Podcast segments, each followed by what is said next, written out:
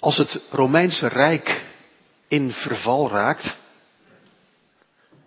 begint af te brokkelen en de barbaren stad na stad innemen, krijgen christenen het verwijt dat dat verval voor een heel stuk hun schuld is.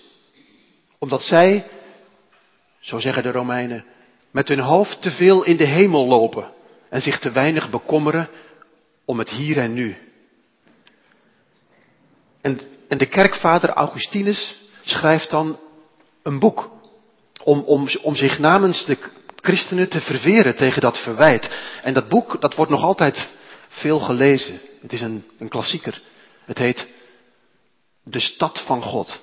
En in dat boek beschrijft Augustinus dat er in deze wereld twee steden zijn. Twee manieren van leven.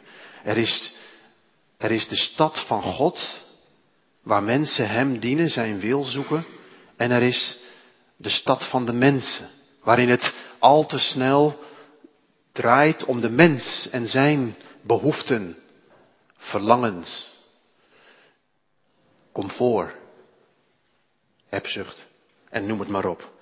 En, en Augustine zegt dan, het ingewikkelde is dat deze twee steden, ja, twee manieren van leven zijn die door elkaar lopen, die zich vermengen in één hart, in één hoofd, in één leven, dat van u, dat van mij, dat van ons. Die twee steden vormen een ingewikkelde kluwe.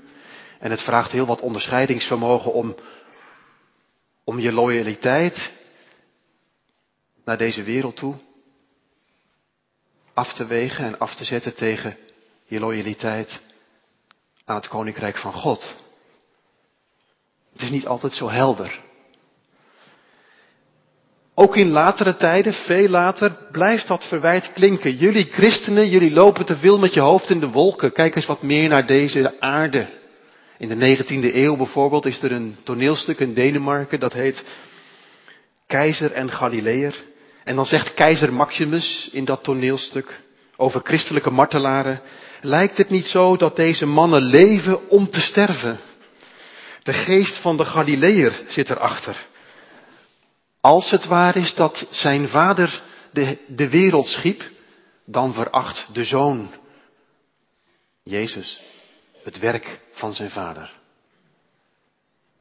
En in onze tijd verscheen er onlangs een hartekreet van de christenjournalist Koos van Noppen. Een pamflet. En hij richt zich tot ons, zijn tijdgenoten. En hij verwijt ons niet dat we nu te veel met ons hoofd in de wolken lopen, dat valt nu wel mee.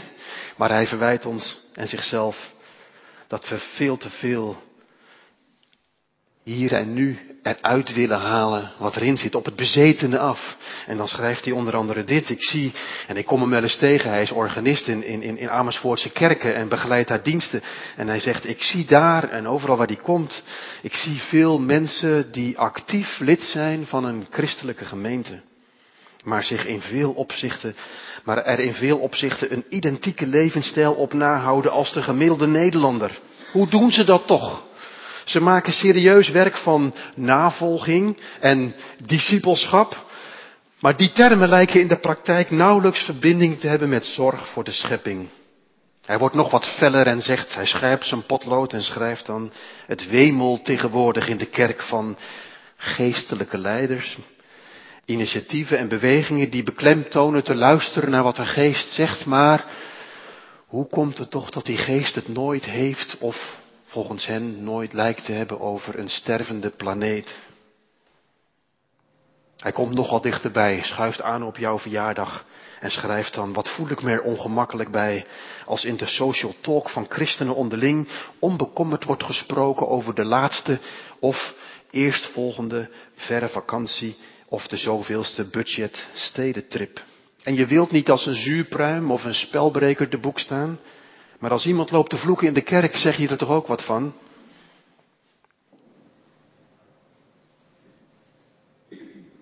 Zijn deze verwijten terecht?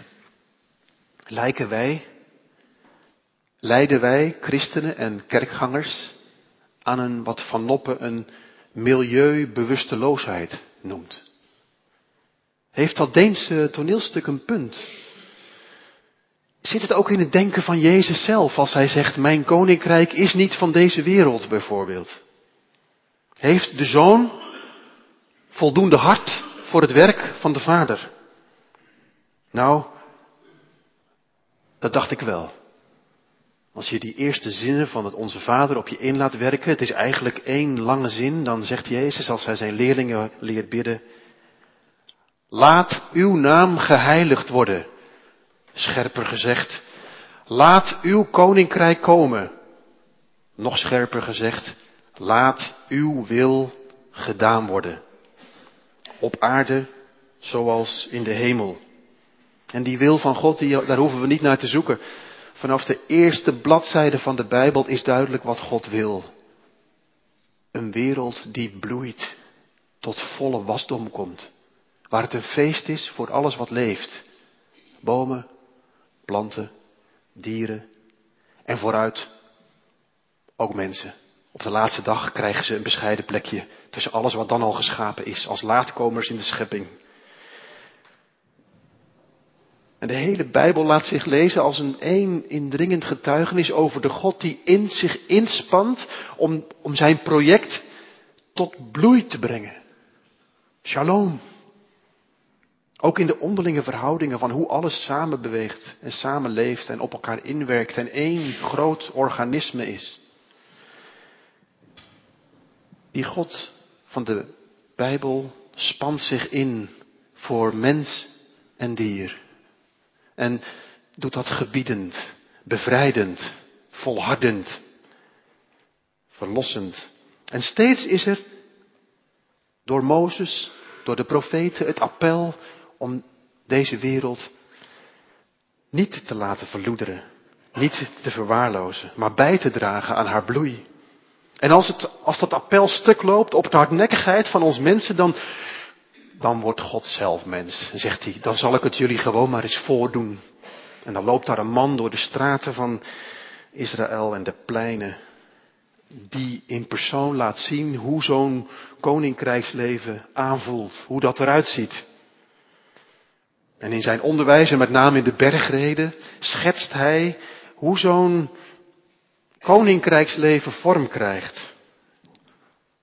Hoe hij, hij doet ons voor, hoe wij als Gods kinderen licht in de wereld en zout voor de aarde kunnen zijn. Als zachtmoedige mensen, barmhartige personen, vredestichters, bruggenbouwers, met een honger naar gerechtigheid. En dan, in dat verband van de bergreden, leert Jezus zijn leerlingen bidden. En dan zegt hij, als je dan je knieën buigt, als je de deur van je binnenkamer op slot doet, bid dan, laat uw naam worden geheiligd.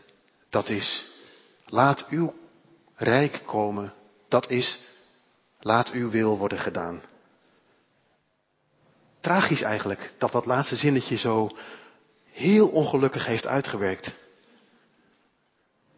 Want als mensen zeggen, tja, u wil geschieden, dan bedoelen we vaak, het komt zoals het komt. En we laten Gods water over Gods akker lopen. Leg ons daarbij neer, maar wie, wie deze woorden proeft, laat uw wil worden gedaan. Die, die proeft er iets in van de onrust en de hoogspanning bij Jezus en bij de Vader. Om je niet neer te leggen bij het verval, de verloedering, de afbrokkeling. Je proeft daar de spanning in Gods hart, zijn onvermoeibare slag om zijn koningschap te laten gelden. En wie die woorden op de lippen neemt, die stapt in een lange rij van profeten. Stapt in een tegendraadse manier van denken. Van Jezus zelf. En ja, en je ziet ook dat dan bij Jezus dat, dat tegendraadse leven botst op bolwerkjes in menselijke hoofden en harten. Hardnekkig, taai verzet. Miranda zei het al, wij mensen zijn niet van die veranderaars. Houden ons vast aan onze patronen, die voelen aan als een comfortabele oude jas. Ook als we weten dat die al lang versleten is en het hoogst tijd wordt voor een nieuwe. Jezus zelf proeft die strijd ook als hij in Gethsemane het gevecht voert tussen de wil van God en zijn wil. Je ziet die twee steden door elkaar lopen in het leven van zijn leerlingen. Vertelt daar die gelijkenis over van graan wat samen opgroeit met onkruid. En, en je kunt het niet uit elkaar trekken. Het, je kunt geen volledig zuiver veld creëren. Het groeit samen op. Het koninkrijk, het is er, maar het is er in de gestalte van zaadkorrels. Klein, kwetsbaar, maar tegelijk ook krachtig, vol kiemkracht en in staat om bij voldoende aandacht en ruimte uit te groeien tot een prachtige struik waar de vogels van de hemel zich kunnen nestelen. Het koninkrijk is als een klompje zuurdesem. Je, je vermengt het met meel je ziet er niks van terug en toch op een verborgen manier werkt het door. Trekt het, doortrekt het het hele meel. Ik stuitte de afgelopen week op, een, op het levensverhaal van Ernst Gordon. Hij was een Britse legerofficier in de Tweede Wereldoorlog en werd op zijn 24ste gearresteerd door de Japanners. Werd te werk gesteld aan de Birma-lijn met tienduizenden andere mannen. Bijna naakt, 50 graden, brandende zon, om je heen wrede bewakers die bij het eerste de beste teken van zwakte je hoofd eraf hakken. Gordon redt het niet. Hij verzwakt en komt in het dodenhuis. Ze leggen hem in een rijtje met mannen die allemaal klaar liggen om te sterven. De vraag is niet of ze gaan sterven, maar wanneer. En in het kamp daar om dat dodenhuis heen is het werkelijk de hel op aarde. Daar loopt de rivier de Kwai en daar ligt dat kamp. En wat daar gebeurt is onbeschrijfelijk. Onder de bewakers, maar ook onder de gevangenen die vechten als dieren om ieder stukje eten met ellebogen werken en het slechtste in hen naar boven laten komen. Er wordt gestolen. Er wordt gemoord. Tot, tot er een dag aanbreekt dat er iets wonderlijks gebeurt. Al die magere mannen staan daar op een rij op het plein en dan schreeuwt de bewaker dat er een schep kwijt is. En hij wil weten wie die schep heeft gestolen. En als niemand antwoordt, richt hij zich weer op de, de gevangenen op de eerste rij en zegt, dan gaan jullie allemaal dood. En hij spant de trekker en dan stapt een van die gevangenen naar voren en zegt, ik was het. Hier ben ik. En de bewaker beukt met zijn geweerkolf in op die man en blijft beuken en slaan en schoppen. Ook als de man weerloos ligt en de man sterft ter plekke. En wordt door een paar makkers in stilte afgevoerd. En diezelfde avond worden de scheppen opnieuw geteld en bleek het een telfoutje. En een van de gevangenen in die barakken, die herinnert zich woorden uit de Bijbel en zegt, niemand heeft grotere liefde dan hij die zijn leven inzet voor zijn vrienden. En, en je merkt, dit, dit maakt iets los. Er ontstaat geleidelijk aan in dat kleine groepje mannen een andere sfeer. Ze beginnen meer respect te krijgen voor hun overledenen. Iedereen die sterft krijgt een waardige begraafplaats en een kruis op het graf. Er wordt minder gestolen. En Ernst Gordon wordt voorzichtig uit het dodenhuis gehaald. In een bamboehutje verzorgd. Eén vriend wast hem dagelijks en verzorgt zijn zweren. Een andere vriend scharrelt wat eten bij elkaar. Een derde verkoopt zijn horloge in ruil voor wat medicijnen. En langzaam een vierde masseert de verschrompelde spieren van Gordon. En zo knapt hij langzaam op. Hij schrijft in zijn dagboek, de dood was nog steeds bij ons, maar we raakten langzaam vrij uit zijn wurggreep. We zagen krachten die tegen het leven waren gericht. Zelfzucht, haat, afgunst, jaloezie, hebzucht, luiheid en hoogmoed. Maar we zagen ook krachten bij sommigen, tekenen van liefde, tekenen van leven, liefde, moed, zelfopoffering, sympathie, mededogen integriteit, creativiteit. Om een lang verhaal kort te maken, Ernst Gordon knapt langzaam op en hij had in zijn vorige leven filosofie gestudeerd en begon in het kamp een gespreksgroepje over christelijke ethiek. En het thema was vaak, hoe bereid je je waardig voor op de dood, die voor ieder van hen, hoe dan ook, om de hoek op de loer lag. En zo wordt Ernst Gordon, hij herinnert zich in zijn onderwijs ook fragmenten van zijn christelijke opvoeding. Had er lang niks aan gedaan, maar hij wordt langzaam een soort geestelijke vader voor een hele club mannen. En ze bouwen met wat bamboe een kapel, waar ze iedere avond bidden voor die mannen die er het slechtst aan toe zijn. Er groeien andere gespreksgroepjes, want er zijn meer mensen die iets weten. Er ontstaat een oerwoud universiteit. Met colleges in geschiedenis, economie, wiskunde, natuurkunde en negen verschillende talen. En, en, dat werkt aanstekelijk. Er zijn gevangenen die, hoe slecht ze er ook aan toe zijn, iets doen met stenen verpulveren en houtskool en kunstwerkjes beginnen te maken die worden tentoongesteld.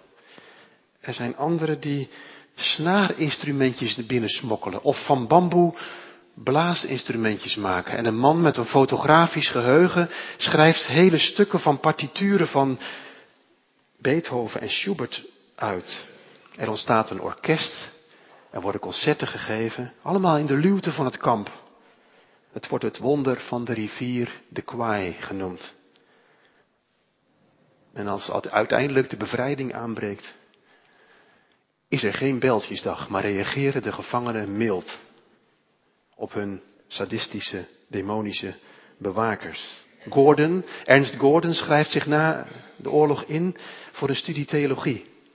En wordt later de deken van de kerk van Princeton University. En sterft na een lang en vruchtbaar leven in 2002. Vlak na zijn dood verschijnt er een indrukwekkende film. Misschien kunt u hem nog eens bekijken. To End All Wars. En daar, aan de rivier de Kwaai, lopen die twee werelden dus ook gewoon door elkaar. Er wordt gejat, geroddeld, gemoord. Het slechtste in de mens blijft zichtbaar al die jaren, ook die laatste maanden. Er zijn mensen die zich beestachtig gedragen, de graaiers en grabbelaars, die over hun geweten heen leven. Het systeem blijft verrot. Maar er is dat kleine groepje daar, rond Ernst Gordon, die een kleine alternatieve kwetsbare gemeenschap stichten. Een kleine nederzetting van het koninkrijk van God. Een geestelijke broederschap die voor deze kleine groep mannen reëler is en tastbaarder dan die hel om hen heen. In ons dorp is sinds een paar weken een mannenbeweging gaande. Kleine groepjes mannen, ik geloof dat ze met vijftien zijn, die samenkomen. En te midden van de gekte en de hectiek van de dagen, waar ze met vallen en opstaan doorheen komen, één avond kiezen om een waarachtig gesprek te voeren. Geen smoesjes, geen bla bla, geen grote verhalen, telefoons weg en je hart op tafel. Geen grootse revolutie. Het had zelfs het Lunterse krantje niet. En toch, en toch denk ik dat het in het leven van deze vijftien mannen echt een verschil zal gaan maken. Wat zou het eigenlijk mooi zijn als, als uw huwelijk en het mijne en jouw gezin zo'n voorpost zou kunnen zijn van het koninkrijk. Ze zijn er voortekenen, voorproefjes. Soms proef je het. Wij hadden gisteren een kerkraadsretraite. Een kerkraadsretraite in de herberg in Oosterbeek. Het was schitterend weer, u weet het. Het was een prachtige dag.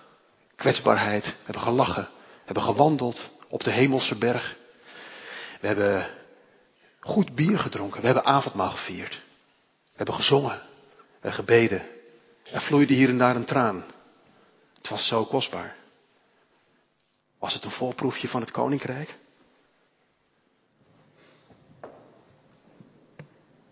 Herman van Veen zingt in een van zijn liedjes: Anne, de wereld is niet mooi. Maar jij kunt haar een beetje mooier kleuren. Wat zou er toch gebeuren dat de volgende keer als u en ik het onze Vader bidden en we deze kostbare woorden op de lippen nemen. Uw koninkrijk komen.